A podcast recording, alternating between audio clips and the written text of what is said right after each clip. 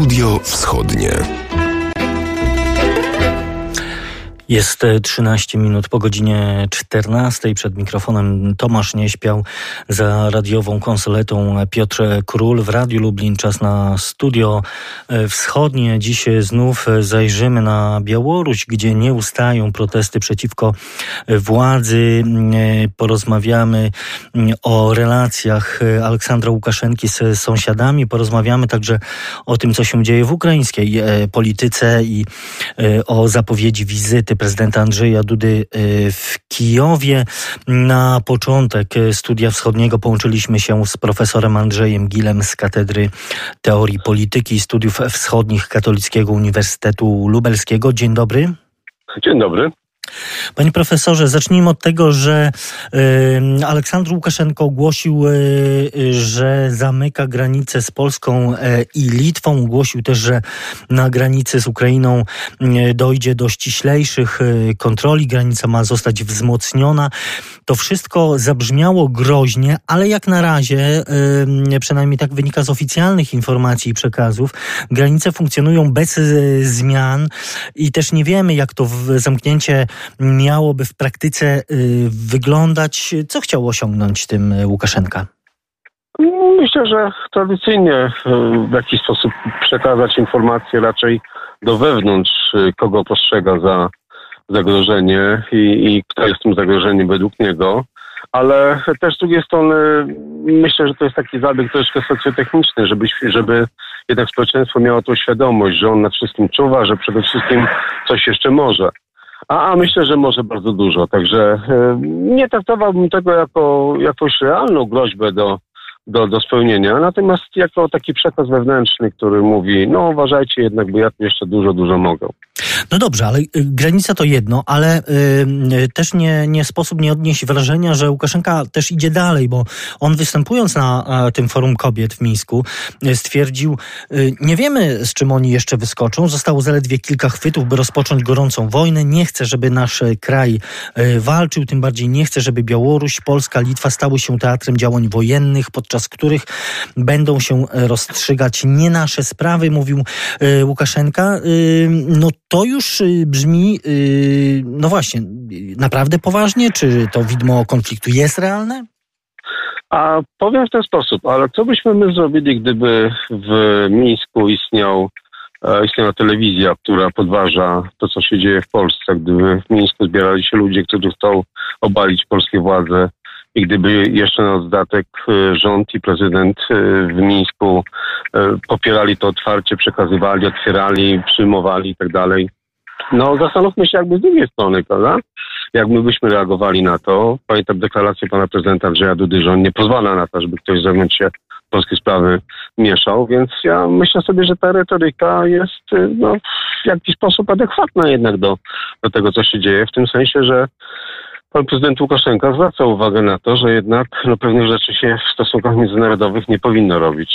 I, i, i ta retoryka z kolei taka, no powiedzmy sobie, wojenna, no to jest przekaz y, do Wilna i do Warszawy, no że jednak są granice, y, których nie wolno przekroczyć. I postrzegajmy to on też, e, on też wprost mówi o tym, że mówi, zwracam się do, do narodów Litwy, Polski i Ukrainy, powstrzymajcie swoich szalonych polityków, nie dopuśćcie do rozpętania e, wojny. Czyli jednak, e, jak pan mówi, retoryka na potrzeby wewnętrzne, no ale jed, no, no nie sposób przejść też obojętnie wobec tego.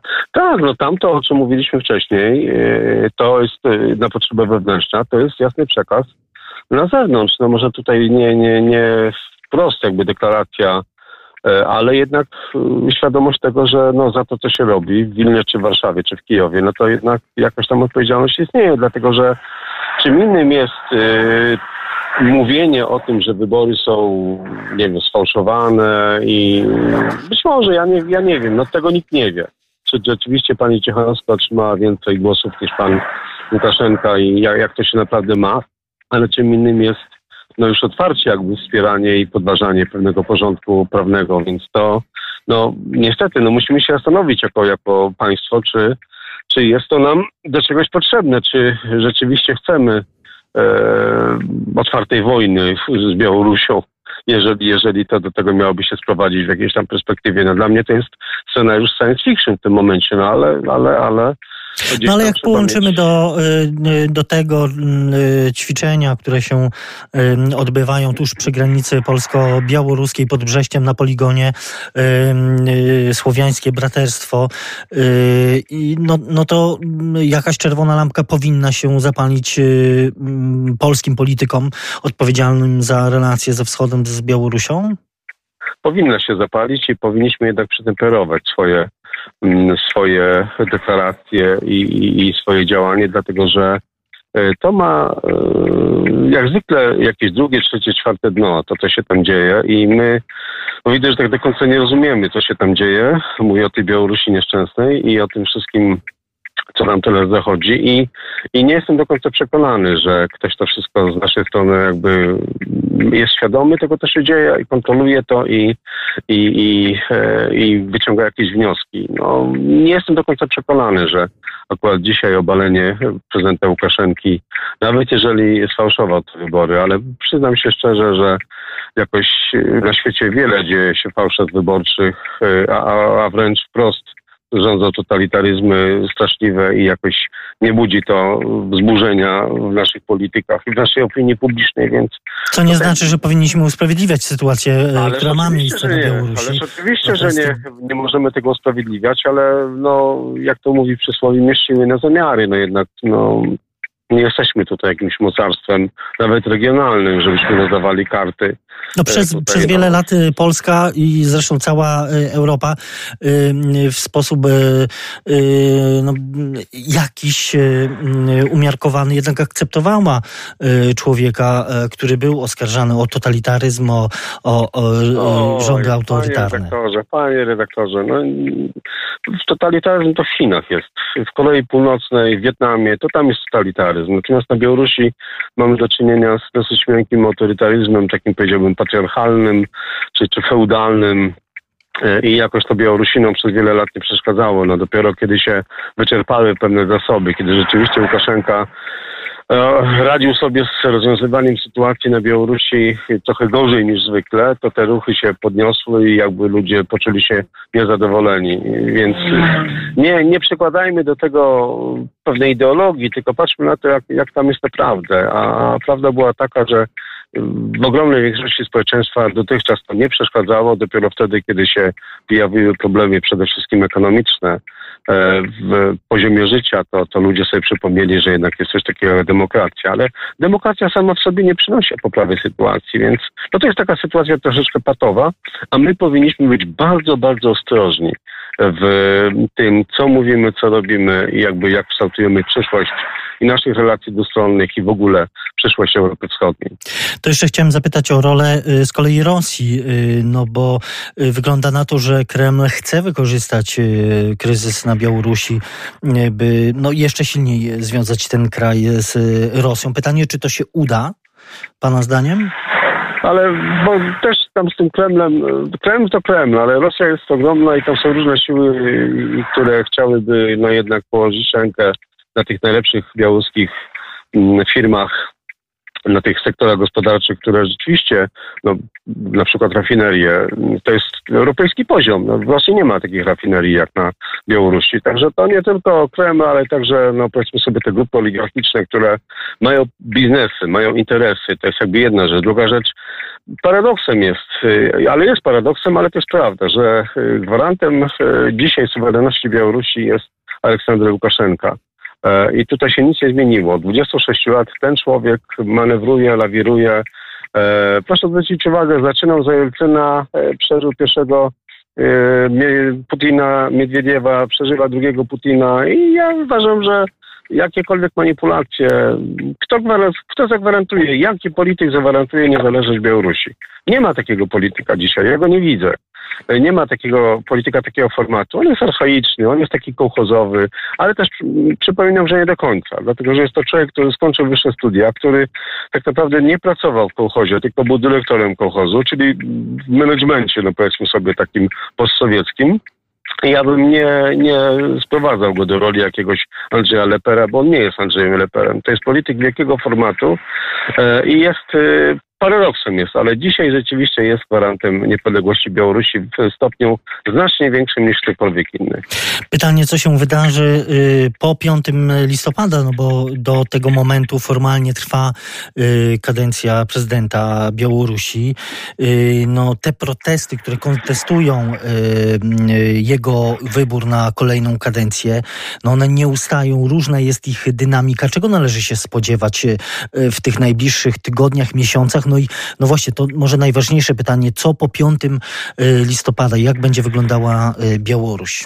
A normalnie będzie wyglądała. Będzie to, co jest. Myślę, że generalnie jednak wewnętrznie to, że pan e, prezydent Łukaszenka będzie rządził, zostanie zaakceptowane, to, to się gdzieś tam w tym momencie wypali, chyba że ktoś zrobi jakiś głupi błąd i, i dojdzie do jakiejś eskalacji. No nie daj Boże e, z, zewnętrz, z zewnętrznych, spoza Białorusi, no to byłoby coś, coś dramatycznego, dlatego że w naszym interesie jest jednak to, żeby Białoruś była spokojna i, i spokojnie sobie tam ludzie żyli i, i, i przede wszystkim, żebyśmy my mogli wpływać na, na sytuację na Białorusi. Mówię to prosto, mówię to otwarcie. A tym błędem Nie. mogłyby być e, jakieś e, rażą, e, takie, takie konkretne restrykcyjne sankcje, czy, czy wprost wpisanie Łukaszenki na listę osób niepożądanych w Unii Europejskiej, bo część Y, krajów albo mówimy o, o, ideologii, albo mówimy o, o polityce realnej. Jeżeli mówimy o ideologii, to rzeczywiście popieramy demokrację, tam wpisujemy go i tak dalej, i tak dalej. Co, co, przyniesie, co to przyniesie i przede wszystkim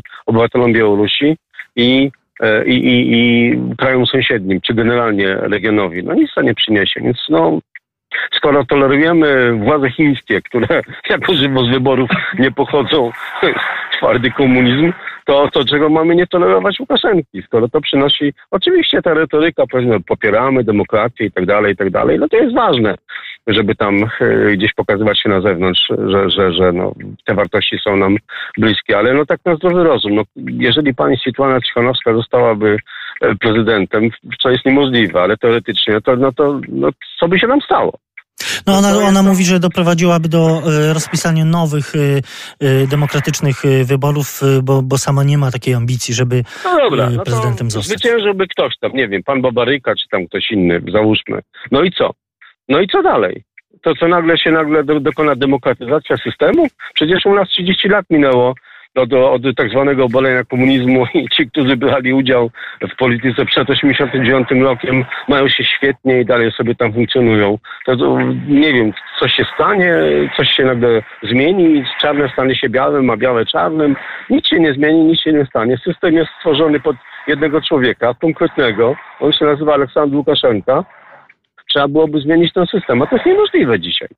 System jest, jest jaki jest. Nie ma społeczeństwo e, białoruskie tej siły, to znaczy poza tymi demonstracjami nie ma, nie ma takiej realnej e, woli e, i siły politycznej na Białorusi, która mogłaby przez ten kryzys przejść i, i wyłonić z siebie nie nowego ma, nie lidera? Ma.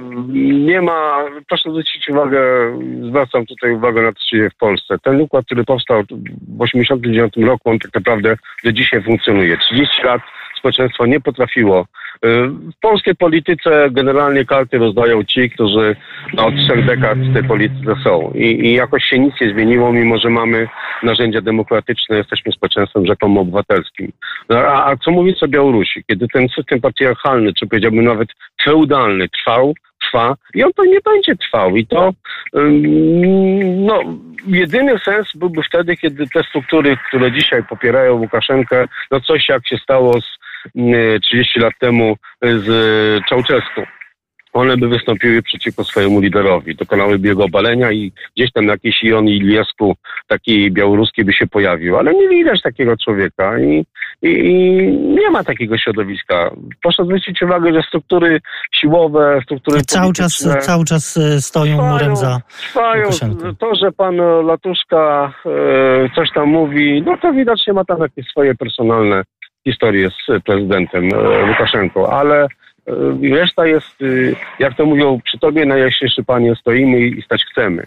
Więc tu się nic nie zmieni niestety. Przykro mi, ale, ale ten spektakl, to, ten teatr, który jest się na Białorusi, nie doprowadzi do zmiany, bo te zmiany są dzisiaj niemożliwe. Nie jest to najbardziej optymistyczna konstatacja, no ale też prawdą jest, że to na odpowiedzialność na społeczeństwie białoruskim spoczywa ale za proszę, zmiany w tym jeszcze kraju. Tylko, panie dyrektorze, proszę mi pozwolić jedno, jedno zdanie mhm. powiedzieć. Białorusini czy obywatele Białorusi widzą, co się dzieje na Ukrainie. E, niemożność rządu ukraińskiego, prezydenta ukraińskiego do zmiany sytuacji i ten potworny, straszliwy kryzys, jaki to państwo ogarnia. Bez względu na to, co tam się dzieje, kto rządzi, yy, Ukraina staje się czarną dziurą w Europie. I ja powiem w ten sposób, tak, kiedy te wszystkie emocje opadną, kiedy ten karaluch wróci yy, z powrotem do tej swojej norki, tam będzie sobie rządził, to jednak ludzie, obywatele Białorusi widzą, jaka jest sytuacja na Ukrainie i nie sądzę, żeby chcieliby yy, tego samego u siebie, więc jakby ten przykład ukraiński on odstrasza i, i, i, pokazuje, że usunięcie satrapy tak naprawdę niczego nie zmienia, bo się zaraz pojawi nowy satrapa i, zmiana jest taka jaka formalna, że, że, że, tak się wyrażę. Będziemy oczywiście do spraw białoruskich wracać. Tymczasem bardzo dziękuję za rozmowę. Profesor Andrzej Gil z Katedry Teorii Polityków i, Polityki i Studiów Wschodnich KUL był gościem Studia Wschodniego. Panie profesorze, jeszcze raz bardzo dziękuję. Dziękuję serdecznie, wszystkiego dobrego życzę. Studio Wschodnie. Jest 34 e, e, minuty po godzinie 14. E, w studiu wschodnim kolejny gość, dr Janusz Kowalczyk, ekspert Centrum Europy Wschodniej UMCS i przewodniczący Rady Fundacji SCIRE. Dzień dobry, witam. Witam serdecznie. Y, panie y, doktorze, pierwszą część programu poświęciliśmy sytuacji na Białorusi. No teraz troszeczkę w ramach też kontynuacji y, zostańmy jeszcze chwilę przy sprawach białoruskich właśnie. W związku z trwającymi tam protestami trochę mam wrażenie umknął opinii publicznej fakt związany z funkcjonowaniem prawosławia w tym kraju i zmianą zwierzchnika białoruskiego kościoła prawosławnego. Mm, przez siedem ostatnich lat metropolitą mińskim i zasławskim był egzarcha Paweł, ale no właśnie, po wyborach tych sierpniowych na Białorusi złożył gratulacje prezydentowi Łukaszence, ale Potem, no można powiedzieć, naraził się i został zesłany do kraju krasnodarskiego. Yy, przypomnijmy może, po, powiedzmy yy, słuchaczom, przy, jak, w jakich okolicznościach doszło do no, swego rodzaju dymisji, można powiedzieć, chociaż formalnie była to prośba. Tak, tak, formalnie była to prośba, ale zanim do tego przejdziemy, ja jestem bardzo wdzięczny, panie redaktorze, że poruszył pan ten temat, dlatego że owszem, w polskiej przestrzeni medialnej dużo mówimy o Białorusi ostatnio, ale w kontekście protestów, e, w kontekście mm, e, reakcji międzynarodowej na te protesty, samego zachowania prezydenta mm, Białorusi Aleksandra Łukaszenki, a o sytuacji na, mm, w prawosławiu białoruskim, gdzie przynależność do białoruskiego kościoła prawosławnego deklaruje ponoć według sondaży około 80% obywateli Białorusi, dosyć mało wiemy.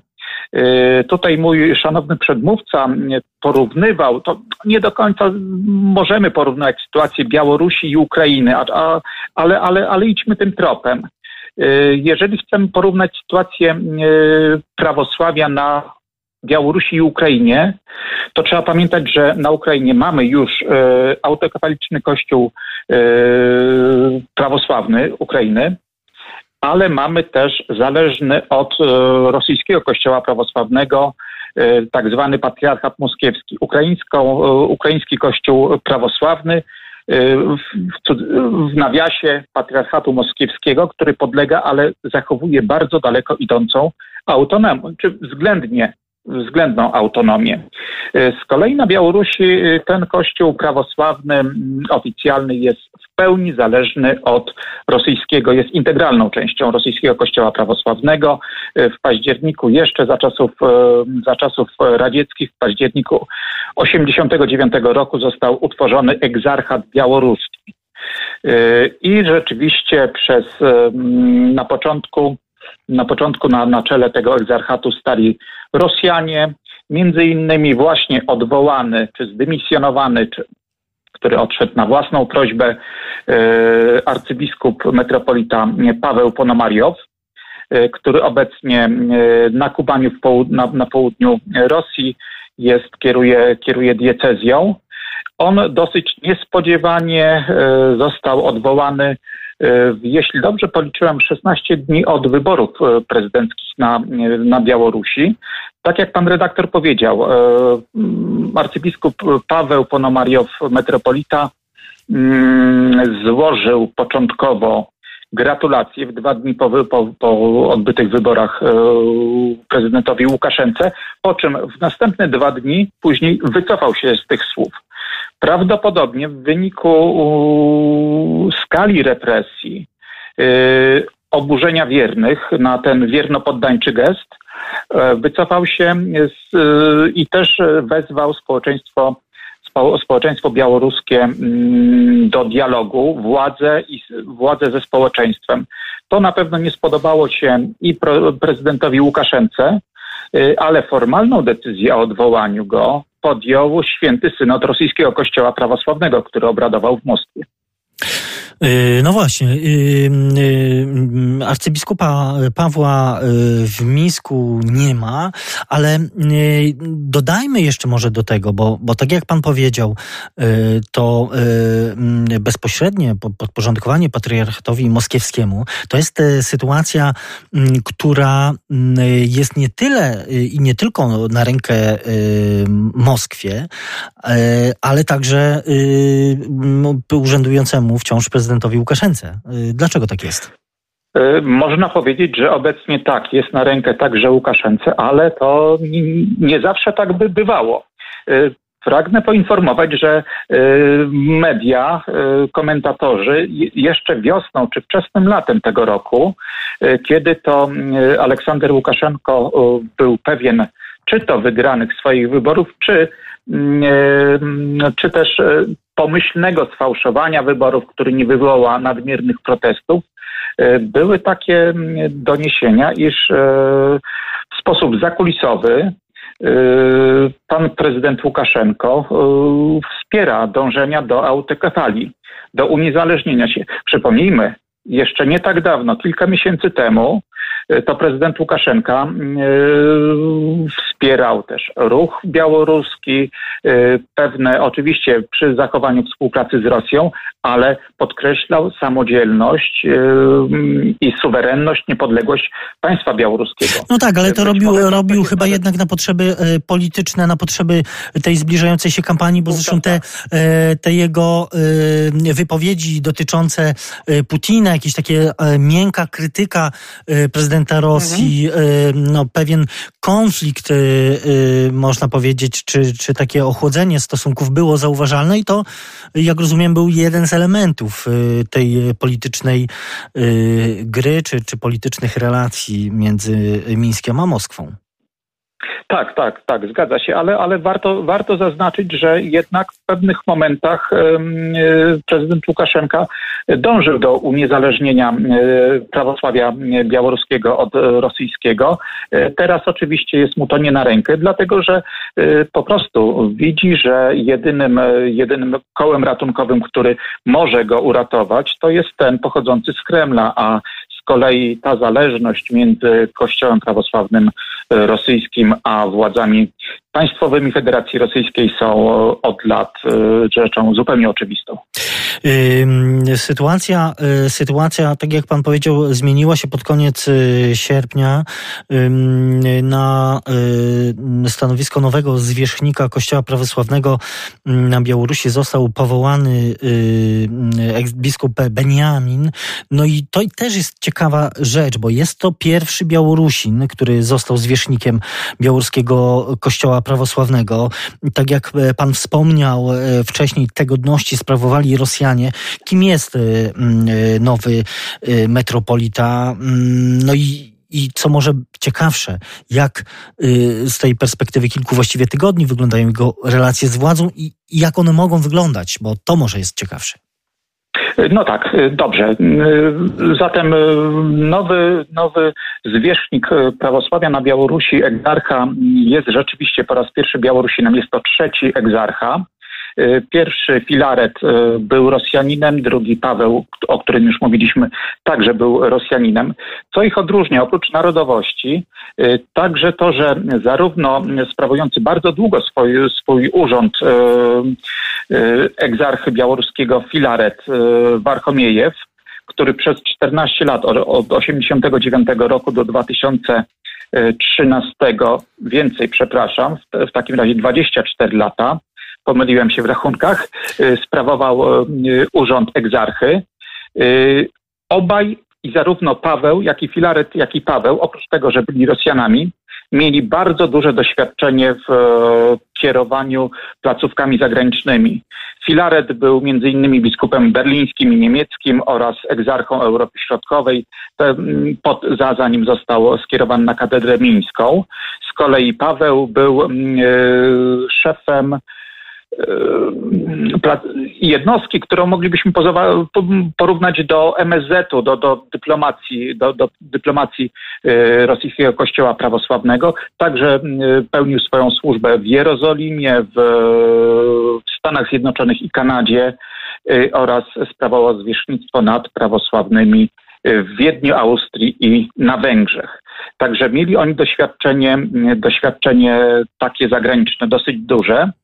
E, poza tym, no, byli to bardziej urzędnicy aniżeli, e, aniżeli rozmiłowani w modlitwie duchowni. Taką mieli opinię. Zresztą sam Paweł, który sprawował swą funkcję przez 7 lat, e, co ciekawe, chodzą słuchy, że swojego Mercedesa rosyjskiego nie przerejestrował na białoruskie numery rejestracyjne. Podobnie wbrew, wbrew obowiązującemu prawu nie przyjął obywatelstwa białoruskiego nigdy, pozostając cały czas posługując się jedynie paszportem rosyjskim. Z kolei, jako się rzekło, nowy, nowy zwierzchnik białoruskiego prawosławia pochodzi nie tylko z Białorusi, dokładnie z obwodu brzeskiego, z zachodniej Białorusi. Poza tym nie ma doświadczenia w polityce międzynarodowej zbyt, zbyt dużego, ale e, co jest jego atutem? E, dwie rzeczy, e, może trzy. Pierwsze to, że jest stąd.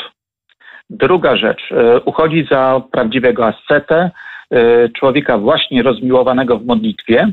Zresztą, jeżeli Państwo byście spojrzeli na jego, na jego zdjęcie, widać naprawdę skromnego, bardzo skromnego człowieka, który, w którym nie widać godności ar, y, arcybiskupiej, tylko, tylko jest, jest to skupiony, skupiony, skromny człowiek, ale dlaczego jest tak użyteczny zarówno dla mm, prezydenta Łukaszenki, jak i dla y, nominujących go władz, władz rosyjskiego prawosławia.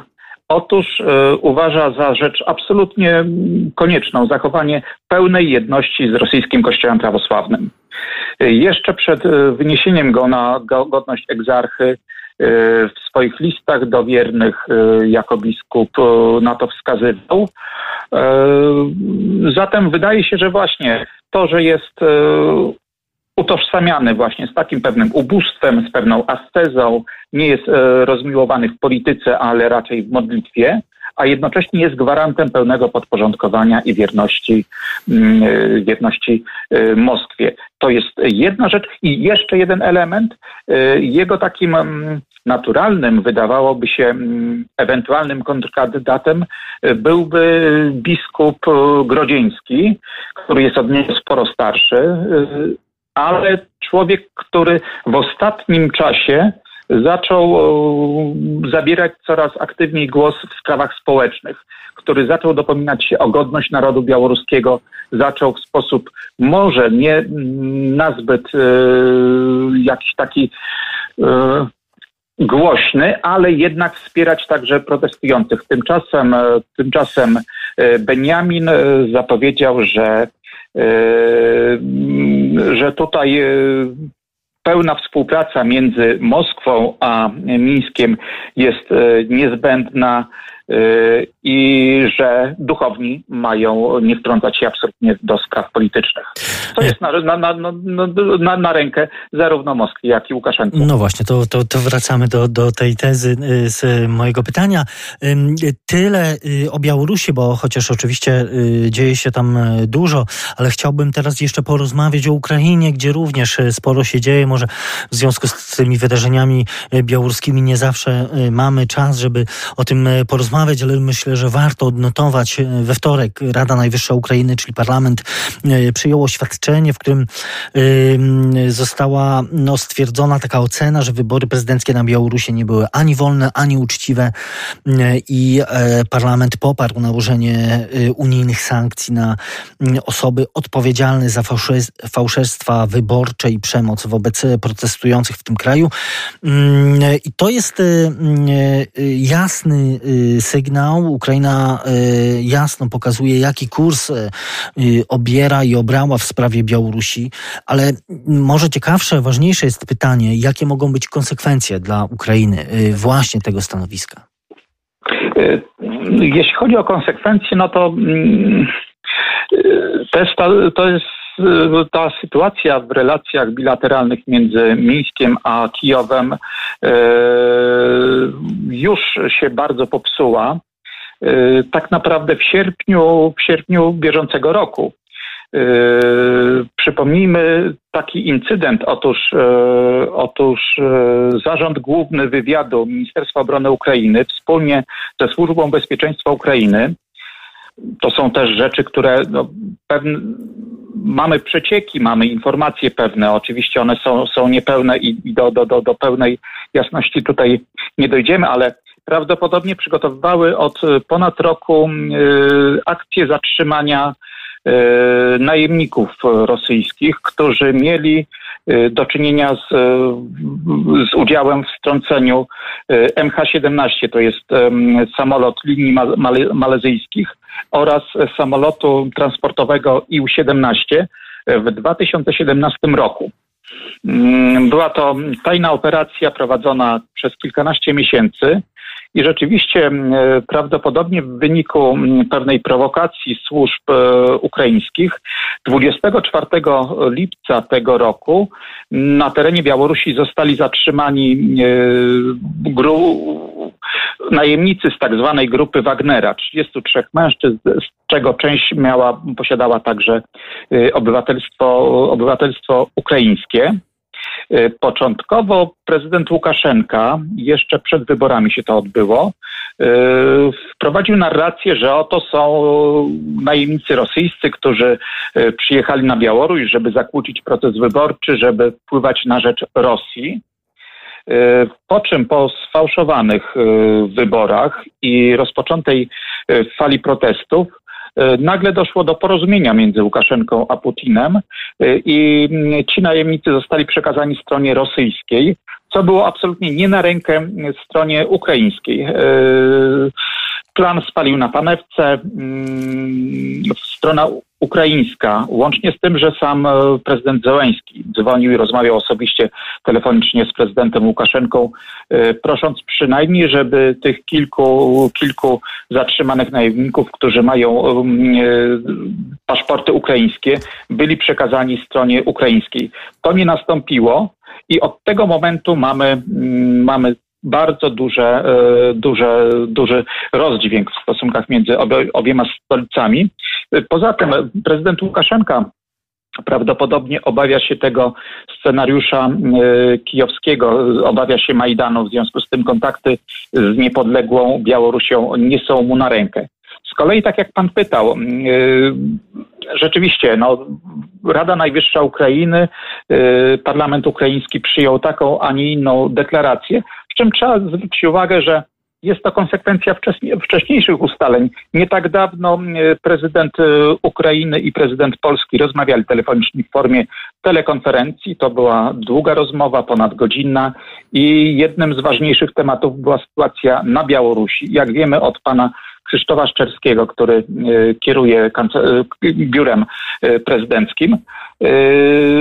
Tam padła deklaracja ze strony prezydenta Ukrainy, że Ukraina będzie wspierała wszelkie sankcje unijne, nałożone na reżim w Białorusi. Także to, to już było, mm, było tak, takim, ta, tak, taką jasną deklaracją, a mm, decyzja parlamentu y, ukraińskiego jest tylko pełnym dopełnieniem.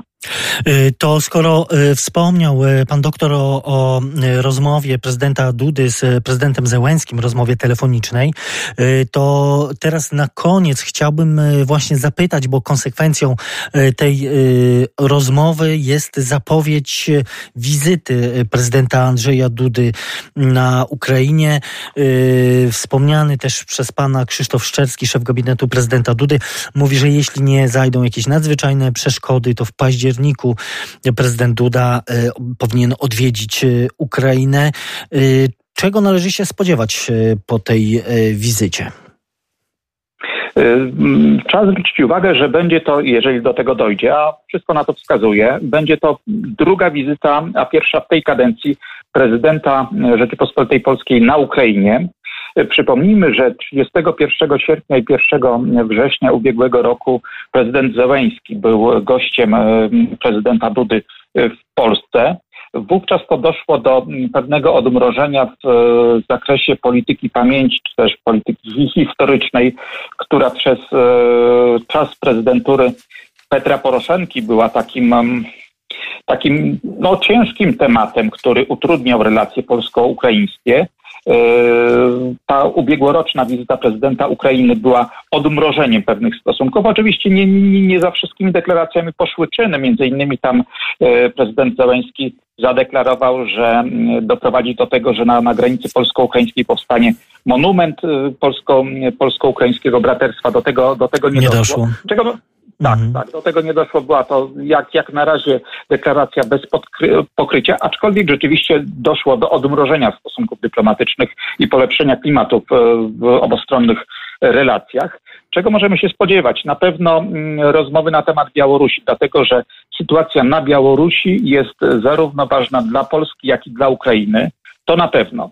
Y, druga rzecz y, to jest rozmowa na temat sytuacji na Donbasie. Przypomnijmy, że od 27 lipca obowiązuje dumnie ogłoszony rozejm. Rozejm, tak, ale wiemy od, i patrzymy na te doniesienia dotyczące łamania tego rozejmu. Już Oczywiście. jest kilkaset incydentów, zdaje się, które, które no, pokazują, że formalny rozejm nie jest przestrzegany.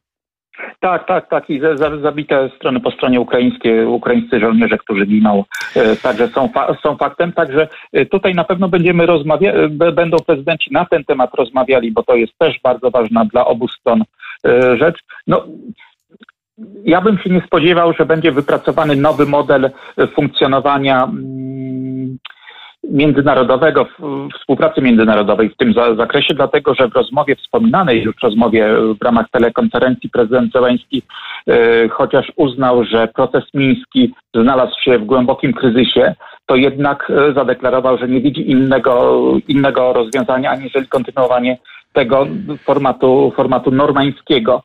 I jeszcze jedna rzecz na zakończenie. Wydaje mi się, że e, ta, te tematy, ta tematyka polityki pamięci, ona będzie wracała w rozmowach, dlatego że mieliśmy nie tak dawno do czynienia e, z e, pewnymi przykrymi wydarzeniami w Hucie Pieniackiej, to jest e, miejscowość na, na terenie obwodu lwowskiego, gdzie gdzie spotykają się od kilku lat w miejscu, gdzie, gdzie doszło do pacyfikacji polskiej wsi, spotykają się przedstawiciele i kościołów, i społeczeństw, i władz Polski i Ukrainy.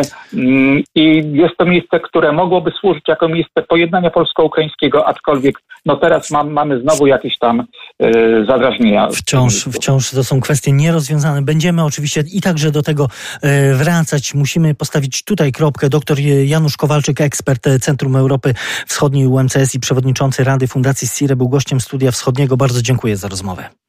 Dziękuję również za rozmowę. Życzę panu redaktorowi i słuchaczom także miłego niedzielnego popołudnia. Dziękuję. Dziękuję bardzo. To wszystko w naszym programie na dzisiaj. Za uwagę dziękuję Tomasz Nieśpiał i Piotr Król. Studio Wschodnie oczywiście wraca na antenę Radia Lublin jak zwykle za tydzień do usłyszenia w następną niedzielę po godzinie 14.